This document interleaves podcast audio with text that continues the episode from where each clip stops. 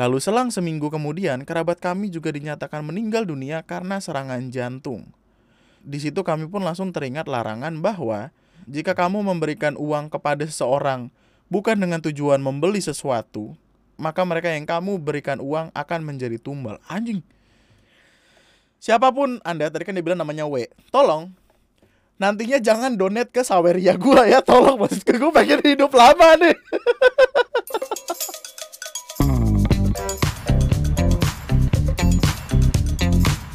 Uh, hai selamat datang di video kali ini dan selamat datang kembali kawan-kawan.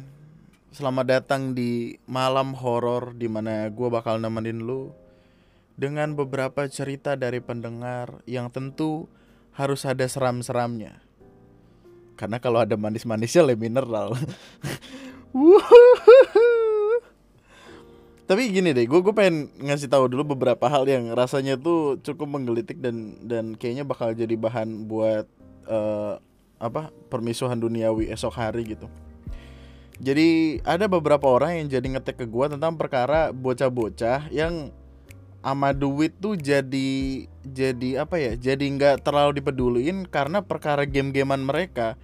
Ada orang ngirim video di mana bocah ngabisin duit 2 juta dalam sehari buat top up FF. Yang lainnya adalah ada bocah ngebakar rumah tetangganya karena dia pengen nyari duit buat top up gamenya dia gue nggak tahu game apa itu. Mungkin FF nggak ada yang tahu juga. Uh, tapi karena dia jadi intinya dia bocah ini mau ngambil duit dari rumah tetangganya. Eh dia nggak nemuin duit dia kesel kasur tetangganya dibakar rumahnya kebakaran. Plus rumah di samping rumah yang kebakaran ini. Ini tuh cukup cukup menyebalkan gitu buat ngelihat bocah-bocah yang yang kadang tuh kelakuannya suka random gitu. Maksudnya mereka nggak paham konteks uang itu susah nyarinya. Kemudian mereka berusaha nyari duit sendiri tapi dengan cara-cara yang kagak masuk akal gitu. Kayak waktu itu kan ada bocah yang nyolong duit apa duit amal duit infak di masjid. Terus ketangkap terus digebukin kan. Maksudnya Masalahnya si bocah yang ketangkep ini digebukin dia pakai bajunya baju Free Fire men maksud gue. Percuma lo pakai skin bagus kalau noob mah enggak. Tapi ya gitu lah maksudnya itu ntar akan jadi concern lain hari. Mungkin akan jadi video sendiri gue nggak tahu juga perkara sendiri gue masih cari tahu. Yang yang bikin gue aneh itu ya cuman perkara itu mesti gue lu kagak punya duit lu pengen ngambil duit dari tetangga lu tapi ketika lu pengen nyolong duit dan lu nggak nemuin duit atau apa lu ngebakar kasurnya sampai rumahnya kebakaran kan nggak masuk akal ya. Perkaranya baru gue temuin banget tadi e, berapa jam lalu sih dia ngupload? 7 jam lalu di Twitter dan udah perkara udah cukup gede gitu loh.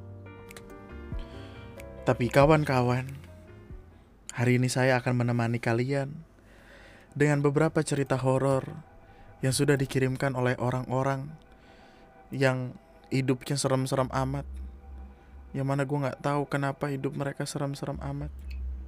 Tapi mari kita langsung saja membacakan cerita dari pendengar kita. Yang mana harusnya sih serem ya harusnya. Soalnya email-email ini udah di apa udah di di apa sih namanya dikurasi oleh Ara. Ara nyari yang serem-serem. Yang mana harusnya gue mempercayai itu karena dia takutan orangnya. Ya 11 12 sama gue lah. Yuk jadi email yang pertama uh, assalamualaikum warahmatullahi wabarakatuh. Waalaikumsalam warahmatullahi wabarakatuh. Kenalin nama gue teguh. Sebelumnya makasih bang udah bacain cerita horor gue ini di podcast lu. Kejadian ini lebih tepatnya terjadi pas gue masih kelas 5 SD. Waktu itu gue lagi belajar di sebuah pesantren di kota Subang. Pesantren ini tuh kata pengurus gue dulunya bekas rumah sakit atau kayak klinik gitu pas zaman Belanda. Hah, kata pengurus gue dulunya bekas rumah sakit atau kayak klinik gitu pas zaman Belanda. Kayaknya ini template template semua sekolah gak sih? Iya gak sih? Eh sekolah gue dulunya bekas rumah sakit. Ih gue dong bekas apa penjara Belanda gitu. Eh kelas gue tuh kamar mayat gitu-gitu.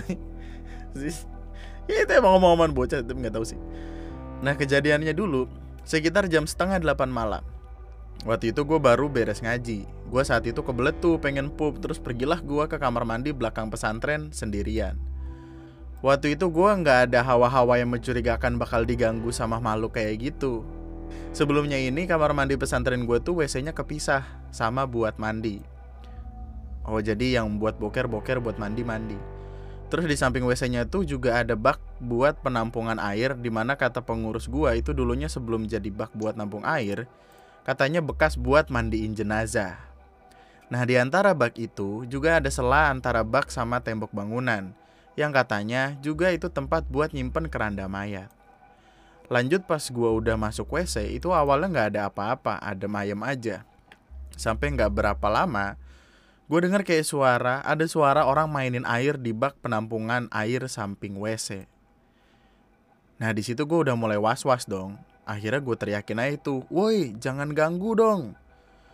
Gue takutnya ada temen yang usil kan pas habis gue teriakin kayak gitu lampu bolham di atas gue tiba-tiba langsung pecah.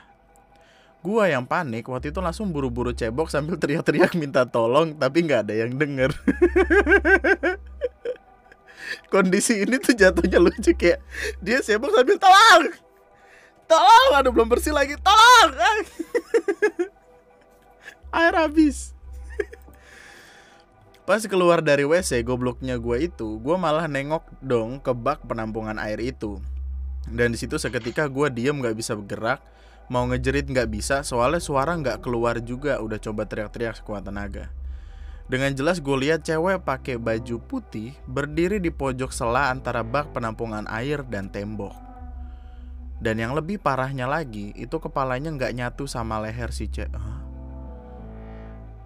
Kepalanya nggak nyatu sama leher si cewek itu. Tapi kepalanya itu ada di pinggiran bak penampungan air sambil kepalanya ngeliat ke arah gua.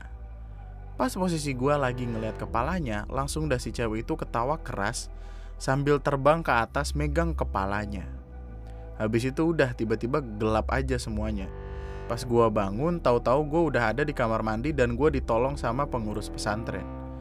Kata pengurus pesantren, dia kaget pas dengar suara cewek ketawa keras. Dia buru-buru lari ke belakang dan dia lihat gua pingsan di situ. Langsung dibawanya gua ke kamar. Dan itu kejadian bukan gua aja yang ngalamin tapi banyak mulai dari pengurus pesantren sampai ke anak-anak yang lain juga pernah. Dan konon katanya arwah cewek yang gentayangan itu dia meninggal karena dibacok lehernya sampai putus sama pacarnya. Gara-gara si ceweknya hamil duluan dan si cowok nggak mau tanggung jawab. Dan setelah beberapa tahun pesantrennya pindah ke bangunan baru dan gedung pesantren yang lama pun dijual. Tadinya gue mau gambarin denah bangunan pesantrennya biar nggak pusing ngejelasinnya cuma gue jaga privasi aja deh soalnya bangunan pesantrennya tuh udah jadi rumah tinggal orang lain juga. Ya ampun. Coba bayangin orang yang tinggal di situ sekarang gimana keadaannya? Siapa sih namanya nih? Teguh. Coba bayangin keadaan dia. Dia lagi makan, lagi ngerebus air, buka panci ada kepala. Aduh. Lagi lapar, pengen masakin domi, buka kulkas ada kepala gitu. lagi boker, pengen ngambil air pakai gayung yang ngambil yang gitu ambil kepala. Eh, ah sono dulu ah. Elah ganggu aja lu. Ya ada lagi sono apa? Terus tangan kaki. Ada. Sekian cerita dari gue kurang lebih segitu bang sorry kalau kepanjangan soalnya ini kejadian yang paling jelas seumur hidup gue yang yang gue alamin. Gue tulis cerita ini malam-malam habis ngejalan deadline sambil dengerin podcast lu bang sukses selalu buat YouTube channel dan podcastnya dan semoga dipanjangin rezekinya selalu amin ya Allah.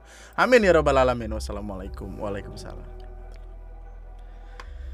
Yang yang menyeramkan adalah ketika ada cerita-cerita di mana eh ada kejadian di mana pembunuhannya terjadi tapi sadis banget gitu loh either yang kepalanya dipotong lah kakinya sama badan dipisah soalnya waktu itu ada beberapa berita yang uh, apa ya mutilasinya tuh mutilasi lintas provinsi gitu. Jadi ada orang dibunuh terus badannya dipisah gitu. Jadi kepalanya di di Jawa eh di Jakarta badannya di Jawa mana kakinya di Jawa mana gitu dipisah-pisah. Tapi kan kalau misalkan kayak gitu polisi malah jadi gampang ya mikirnya kayak Wah ini di sini ada kepala doang, pak lapor di sini ada kaki doang, pak di sini ada badan doang, disatuin lah nyambung gitu. Kan jatuhnya jadi itu puzzle. Tapi kalau misalkan dia apa ya jadi jadi sebuah uh, ketakutan yang menyeramkan gitu. Say kita lagi jalan-jalan tiba-tiba ada kaki lari tapi kaki doang gitu. Itu kan makin serem ya. Apalagi kalau misalkan uh, jadi kaki nih kaki terus pakai celana jeans tapi di atas celana jeansnya itu ada daging-daging yang kelihatan kan serem ya. Coba bayangin kayak gitu. Eh mending lah kalau kaki. Kalau badan doang gimana coba Terus dia jalan pakai tangan lucu lah kalau pala doang gelinding iya bener masih bisa tapi kalau misalkan tangannya nggak ada terus badan doang gimana ya teriak nggak bisa ya kan nggak ada kepala kenapa sih ini gue kenapa sih gue gue nggak tahu gue kebanyakan nonton film film-film kayak gitu deh kayaknya tapi mungkin ini kejadian maksudnya tempat ini mungkin beneran beneran ini beneran peninggalan Belanda gitu loh kan banyak dari kita yang cuman kayak wah ya nih uh, rumah gua peninggalan peninggalan Majapahit gitu-gitu kan kata gue Majapahit emang udah ada semen anjing aneh banget Makasih Teguh udah ngirimin emailnya. Sehat selalu, hati-hati ada pala di gayung. yang selanjutnya, uh, sedikit cerita horor beberapa tahun lalu. Oke, okay. pernah di suatu kontrakan yang pernah pacar gue tinggalin. Pernah di suatu kontrakan yang pernah pacar gue tinggalin, dia sering banget kesurupan. Mungkin dua kali aja bakal gue ceritain. Pertama, saat lagi baru-baru di kontrakan Tiba-tiba kepala dia pusing, mual, dan gak lama dia ngomong ngelantur gak jelas. Saat gue tanya, dia minta teh. Saat itu juga gue minta tolong temen ceweknya yang tinggal satu kamar sama dia buat temenin. Sambil bilang ke temen ceweknya tolong jagain dia lagi kesurupan gue beli teh bentar. Dalam hitungan menit dapatlah gue teh dan pacar gue langsung minum abis saat itu juga kayak orang lagi aus. Padahal teh itu di warung pakai air panas. Dan gue minta 5 teh celup dijadiin satu gelas sampai habis dua gelas. Cerita yang kedua, eh ntar dulu ntar dulu, ini gue masih bingung nih konteksnya. Pertama saat lagi baru-baru kontrakan tiba-tiba kepala dia pusing mual, oke, okay. dan gak lama dia mulai ngomong ngelantur nggak jelas, ya itu tanda-tanda orang kesurupan atau orang gak punya duit biasanya begitu. gue kalau lagi gak punya duit gue ngomong ngelantur. Saat gue tanya dia minta teh, oke, okay. kayak orang kesurupan biasanya temen apa temennya Ali waktu itu yang kesurupan sampai minta samsu 5 biji dibakar sekaligus eh tiga apa lima gitu pokoknya dibakar sekaligus gitu saat itu juga gue minta tolong temen ceweknya yang tinggal satu kamar sama dia oh ini cowok oh alah gue kira cewek kan kaget kalau misalkan loh kok cowok tinggal sekamar sama cewek oh iya ya make sense dan gue minta 5 teh celup dijadiin satu gelas sampai habis dua gelas pahitnya kayak apa itu Cerita yang kedua, saat sama saat kita lagi berdua di teras kontrakan. Dia merasa pusing segala macem. Gue inisiatif ajak dia keluar daripada kesurupan lagi. Bagus.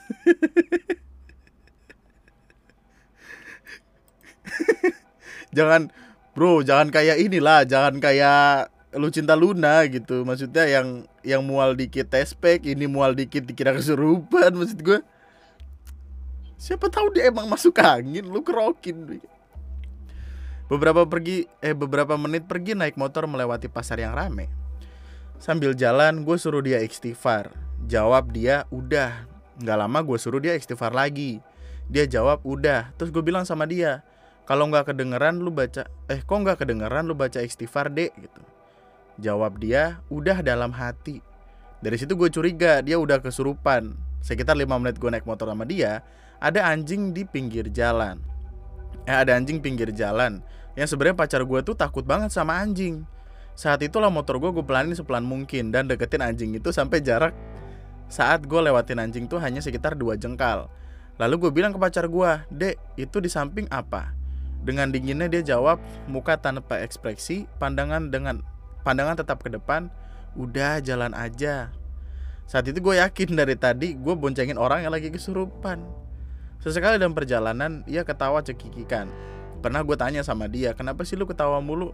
Terus dia jawab abisnya kamu lucu. Ya lah dibocekin komeng kali lah dan mati gue goblok gue dibilang lucu sama setan sebenarnya kelanjutannya masih ada cuman gue capek nulisnya. Segitu aja lah ya sekedar informasi. Pacar yang dulu sering kesurupan udah jadi bini gue dan gak pernah kesurupan lagi. Oh itu minta dinikahin nyet. Ah lu gimana sih? Kagak peka-peka amat lu. Dia tuh kagak kesurupan dia tuh pengen dinikahin.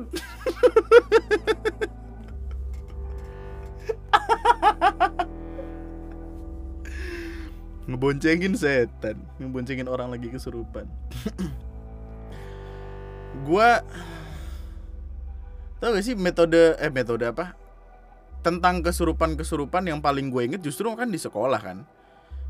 Eh, jadi kalau misalkan di jam-jam tertentu gitu waktu itu kelas 1 SMK teman sekelas gue ada yang kesurupan gitu. Tapi kesurupannya itu kesurupan yang yang apa ya yang bohong-bohongan gitu loh. Maksudnya kesurupan yang caper. Ada ada orang kesurupan terus yang lain bilang kayak udah diemin bego caper gitu. Eh kesurupannya sembuh sendiri gitu yang gue takutin adalah kalau misalkan gue ada di keadaan kayak si Adit Adit ini lagi jalan sama cewek gue tiba-tiba cewek gue kesurupan terus gue diemin apakah dia akan cabut sendiri setannya karena merasa dicuekin nggak asik nih manusia ah. cabut gue gitu terbang gitu mungkin gak sih mungkin lah. coba gue gue pengen tahu deh gimana rasanya orang yang kesurupan gitu mungkin ada lu atau temen lu atau atau keluarga lu lu coba tulis di kolom komentar deh. Soalnya gue gue nggak tahu deh. Kayaknya gue hampir nggak pernah sepengetahuan gue ya malah gue nggak pernah ngelihat orang yang kesurupan beneran kesurupan gitu. Soalnya kesurupan yang yang sering kali gue lihat adalah ya ya udah dia nangis nangis eh diem melototin orang. Maksud gue itu kan bukan apa ya orang biasa pun bisa melakukan itu gitu jadi nggak ada nggak ada separasi nih apakah dia beneran atau bohongan. Karena ya kedua kedua antara manusia sama setan bisa ngelakuin itu gitu. Kecuali ada orang kesurupan dia orang Jawa tapi tiba tiba ngomong bahasa Azerbaijan. Nah baru. Gue percaya kalau dia kesurupan. Atau dia orang Sunda tiba-tiba ngomong bahasa Perancis. Nah baru. Ya gitulah kalau lo punya cerita-cerita kesurupan coba lo tulis di komen dah. Rasanya tuh kayak apa gitu? Villa kayak apa emang gue sempat diceritain temen gue katanya kalau orang kesurupan tuh dia dia kayak kayak temen gue dia ada cerita dia tuh teriak-teriak. Uh, dia sadar dia teriak-teriak tapi dia nggak bisa ngeberhentiin teriak-teriaknya gitu. Nih mungkin lo bisa kasih tahu gue yang selanjutnya eh btw terima kasih tadi. Siapa? Adit ya? Thank you Adit. Bininya dijaga tolong. Hati-hati kesurupan lagi. Mending lah kalau kesurupan minta teh coba kesurupan minta gaji 10 juta sebulan eh emang mau lu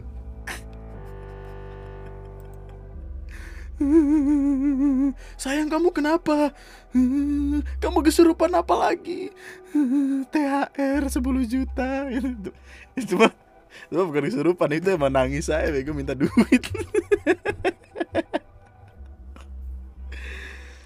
Assalamualaikum bang, nama saya Syarif. Halo Syarif, waalaikumsalam. Saya mau berbagi pengalaman saya sendiri pas pulang kampung ke daerah Jawa Tengah.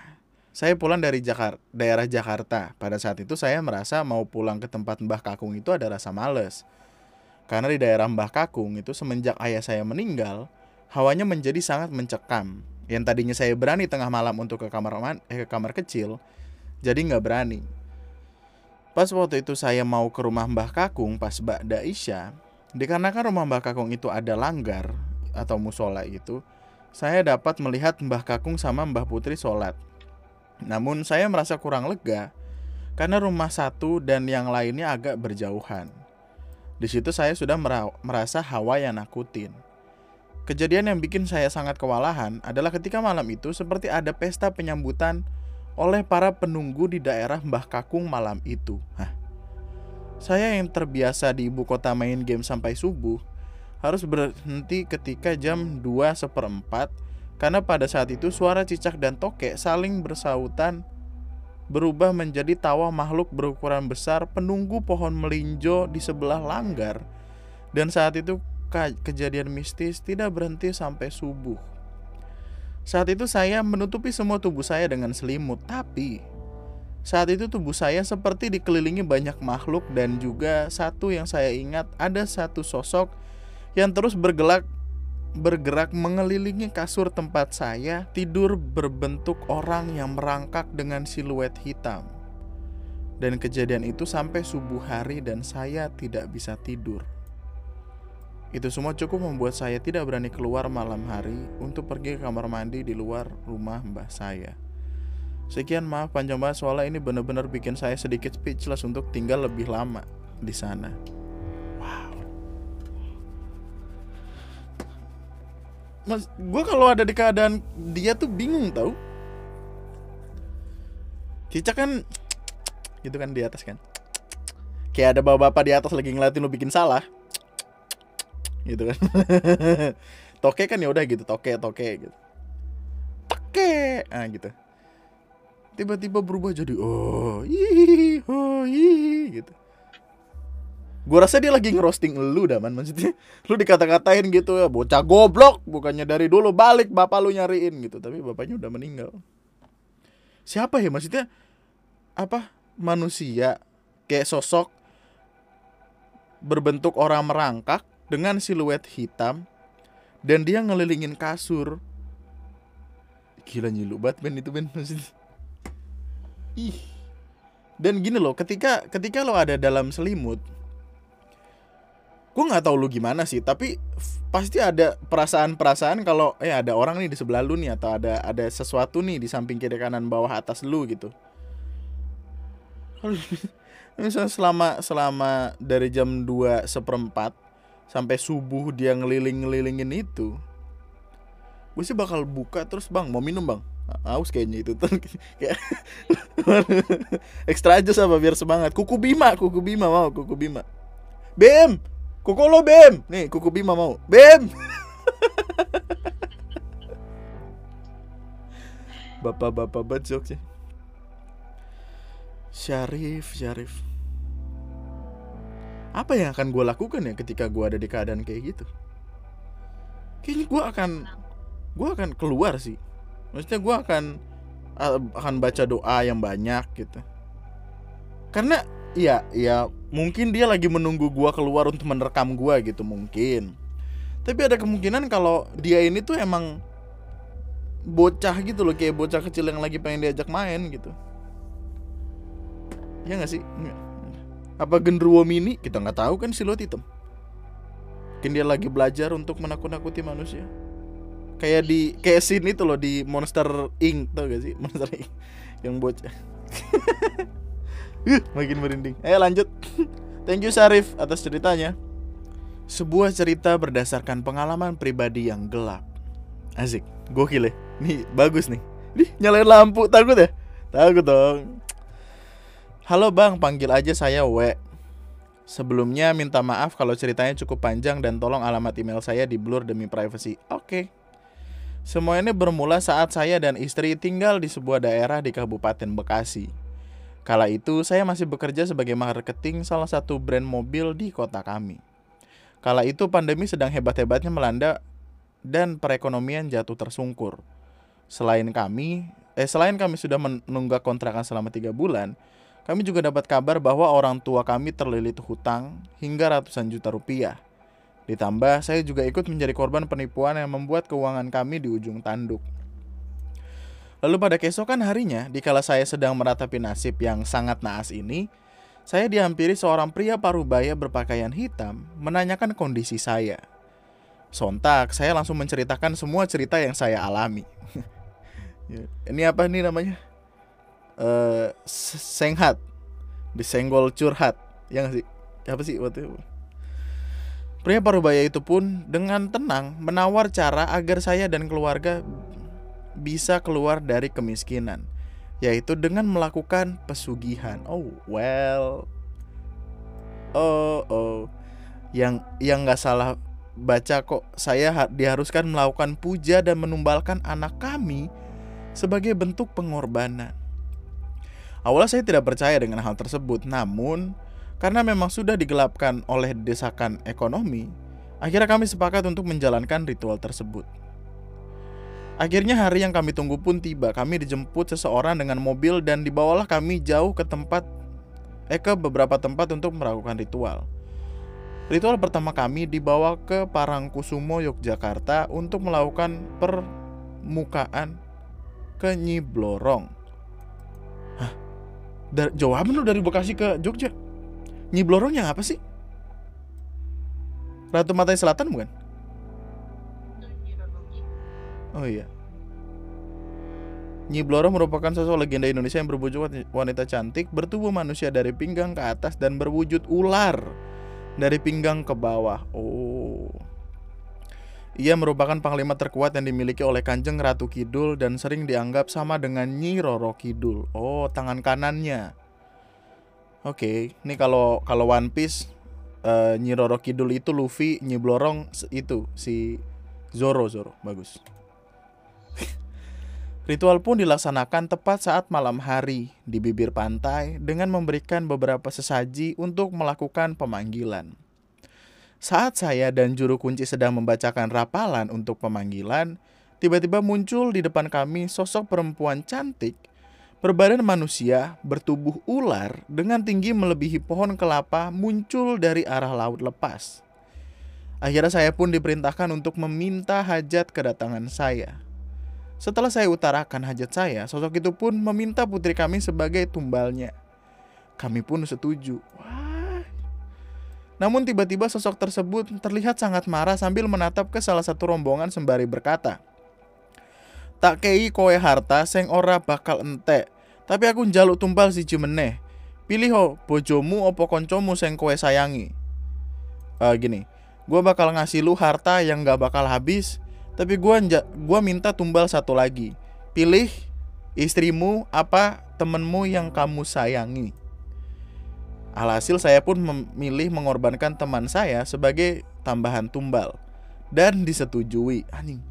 Tumbal pakai approval bangsat. Ada MOU-nya kayaknya nih. Ritual berikutnya kami laksanakan di sebuah pantai di Kota Blitar, Jawa Timur. Ritual ini merupakan ritual lanjutan kami setelah ritual pertama. Ritual dimulai tepat pukul 1 dini hari dengan membawa sesaji dan melakukan ritual di atas tebing pantai.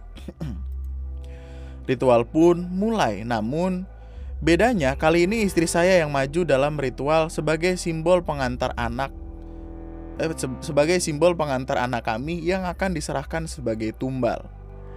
Saya dan juru kunci hanya menemani di belakang dengan jarak 5 meter. Saat ritual berlangsung, kami pun dikejutkan dengan kedatangan bala tentara gaib dari arah laut.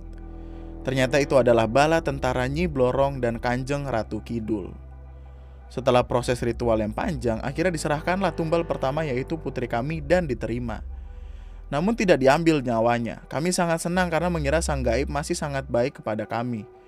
Dan diperintahkanlah kami pulang ke tempat asal kami untuk mempersiapkan bilik kosong untuk mencairkan hasil puja kami. Dengan sangat bahagia, kami pulang ke tempat asal kami dan melihat isi kamar kami sudah dipenuhi dengan hasil puja kami. Namun petaka baru dimulai di sini.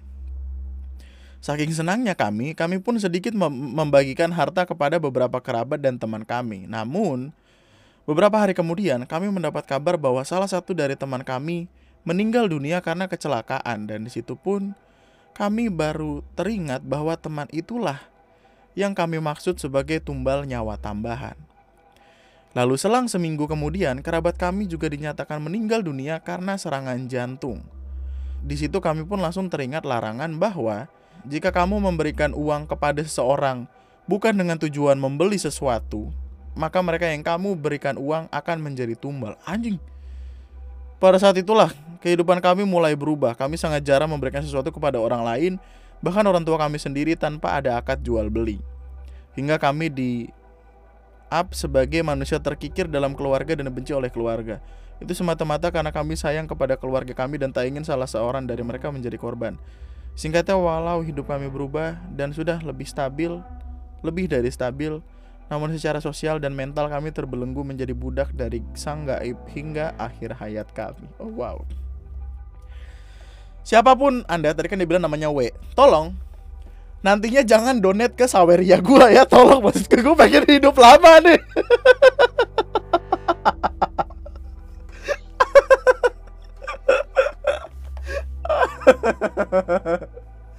Siapa ke yang lain? Ray gitu, Rojal, nggak apa-apa itu lu kirimin, Mir. Nggak boleh ngasih sesuatu dengan cuma-cuma dia bilang Gua well, gua nggak tahu. Sekali lagi setiap cerita yang gue bacain di sini gua nggak tahu kevalitannya, maksudnya gua nggak tahu apakah itu benar atau tidak. tapi dari detail ceritanya sih bagus. Dengan aduh. Coba coba gue pengen nanya ke lu deh. Ketika lu dikasih sebuah pilihan lu pengen ngerawat anak lu tapi lu miskin atau lu bisa kaya tapi lu bakal tapi lu harus numbalin anak lu pilih mana? Ya emang gitu anak bisa dibikin lagi somehow gue nggak tahu juga kalau dikasih sama Tuhan tapi kalau misalkan lu kaya anak lu yang kenapa-napa gue sih kasihan sih. Tapi mungkin karena karena gue maksudnya karena gue ya alhamdulillah berkecukupan kali. Mungkin kalau orang-orang yang kepepet banget gitu mungkin mungkin di pikiran mereka kayak ah gara-gara lu juga nih sekolah sih lu kan gue jadi susah gitu mungkin kita nggak tahu juga gitu mungkin ada orang di luar sana yang kayak gitu hmm. gue baru tahu lu ada cerita-cerita kayak gini loh jadi jadi kalau misalkan dia ngasih duit ke orang secara cuma-cuma, orang itu bakal mati. Coba lo kasih koruptor, men.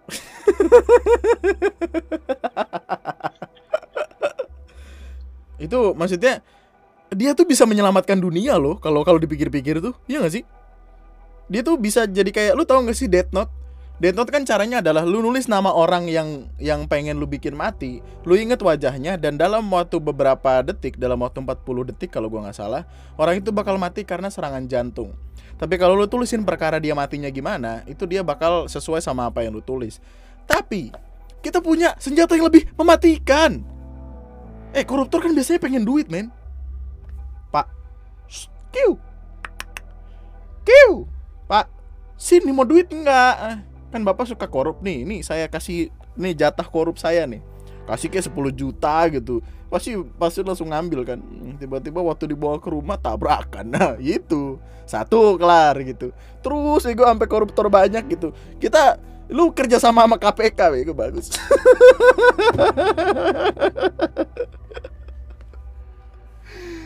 Astaga Tuhan Tuhan itu bagus nggak sih? Dia dia somehow ketemu sama kakek-kakek gitu terus dikasih tahu gimana caranya buat kaya. Dan di Kabupaten Bekasi lagi. Bro gue jual ini ya nanti gue jual remote AC deh. Gue jual remote AC lu beli 10 juta gitu.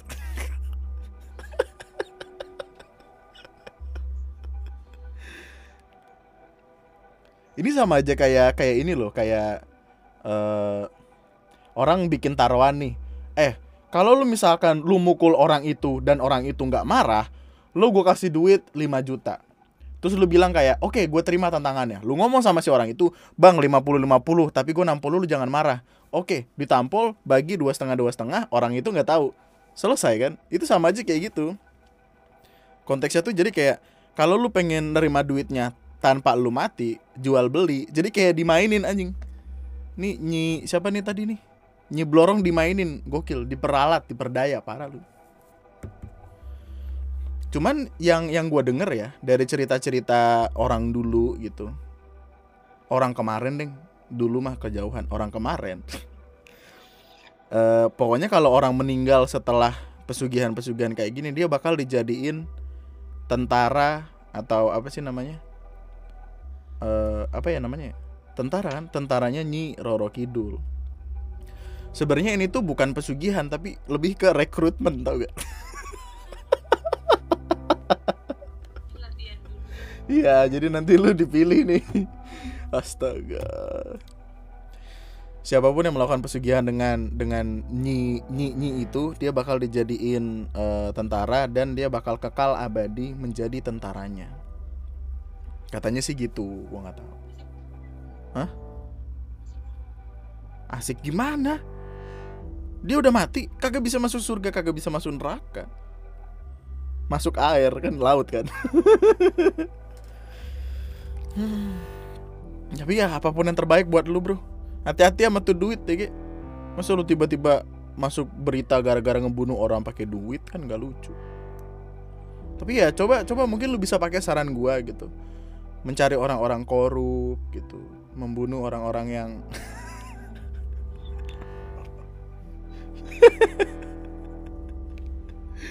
memberantas terorisme atau apalah itu lu cobalah. Siapa tahu berhasil. Terima kasih atas emailnya we. Ini sangat amat wow banget sih. Gue gue baru dapat cerita kayak gini tuh sekarang banget ini loh. Dia jauh juga loh dari Bekasi ke Jogja. Ya kan ke Jogja ke Yogyakarta ke Pantai Parangkusumo Pantai Parangkusumo di mana sih Pantai Parangkusumo itu masih satu deretan sama Pantai Parangtritis. Dia emang base campnya di mana sih Nyiroro Kidul maksud gua? ya maksud gua tuh apa?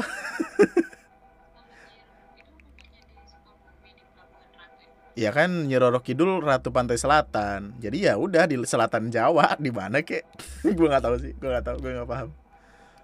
Oh, dia dia dari Pantai Parang dari Bekasi dibawa ke Pantai Parangkusumo Jogja, dibawa ke Blitar Jawa Timur. Main juga perjalanan lu, Bro ya demi nyari duit ya. Itu ongkos dari mana kalau boleh tahu? Oh, kayaknya ini men apa? Jadi kan dia bilang dia ketemu sama kakek-kakek. Terus setelah ketemu sama kakek-kakek, dia dibawa naik mobil ke Yogyakarta. Kayaknya emang siapa pun supir dari mobil itu lagi open recruitment dah. Ya nggak sih? Kayak dia ini gitu lagi nyari karyawan baru. Mungkin di di tempatnya Nyiroro Kidul ada yang apa ada yang dipecat gara-gara jatuhin vas bunga gitu. Terus dia minta gantiin. Eh kan dalam air ya masa pecah? Gimana sih? Pak saya punya apa pak kalau boleh tahu? Kerja goblok. Nah gitu. Kalau itu gua antar itu yang kayak gitu. Ya lanjut. Selanjutnya malam kak aku Nurul? Halo Nurul. Mau membagikan uh, sedikit pengalaman horor aku. Jadi pada saat aku SMA kelas 3 teman-teman sekelasku mengajak aku bermain jalangkung di kuburan. Nggak gini. Gini gini. Nggak gini loh jelangkung kuburan Jam 9 malam SMA kelas 3 Apa yang lu cari men? Ah, udah sekolah yang bener belajar. Jadi manusia yang berguna bagi nusa dan bangsa. Udah gitu. Apa sih? Teman-teman sekelasku mengajak aku bermain jalangkung di kuburan. Terus lu mau gitu? Gue tahu anak-anak SMA masih lah anak-anak yang rebel. Tapi kan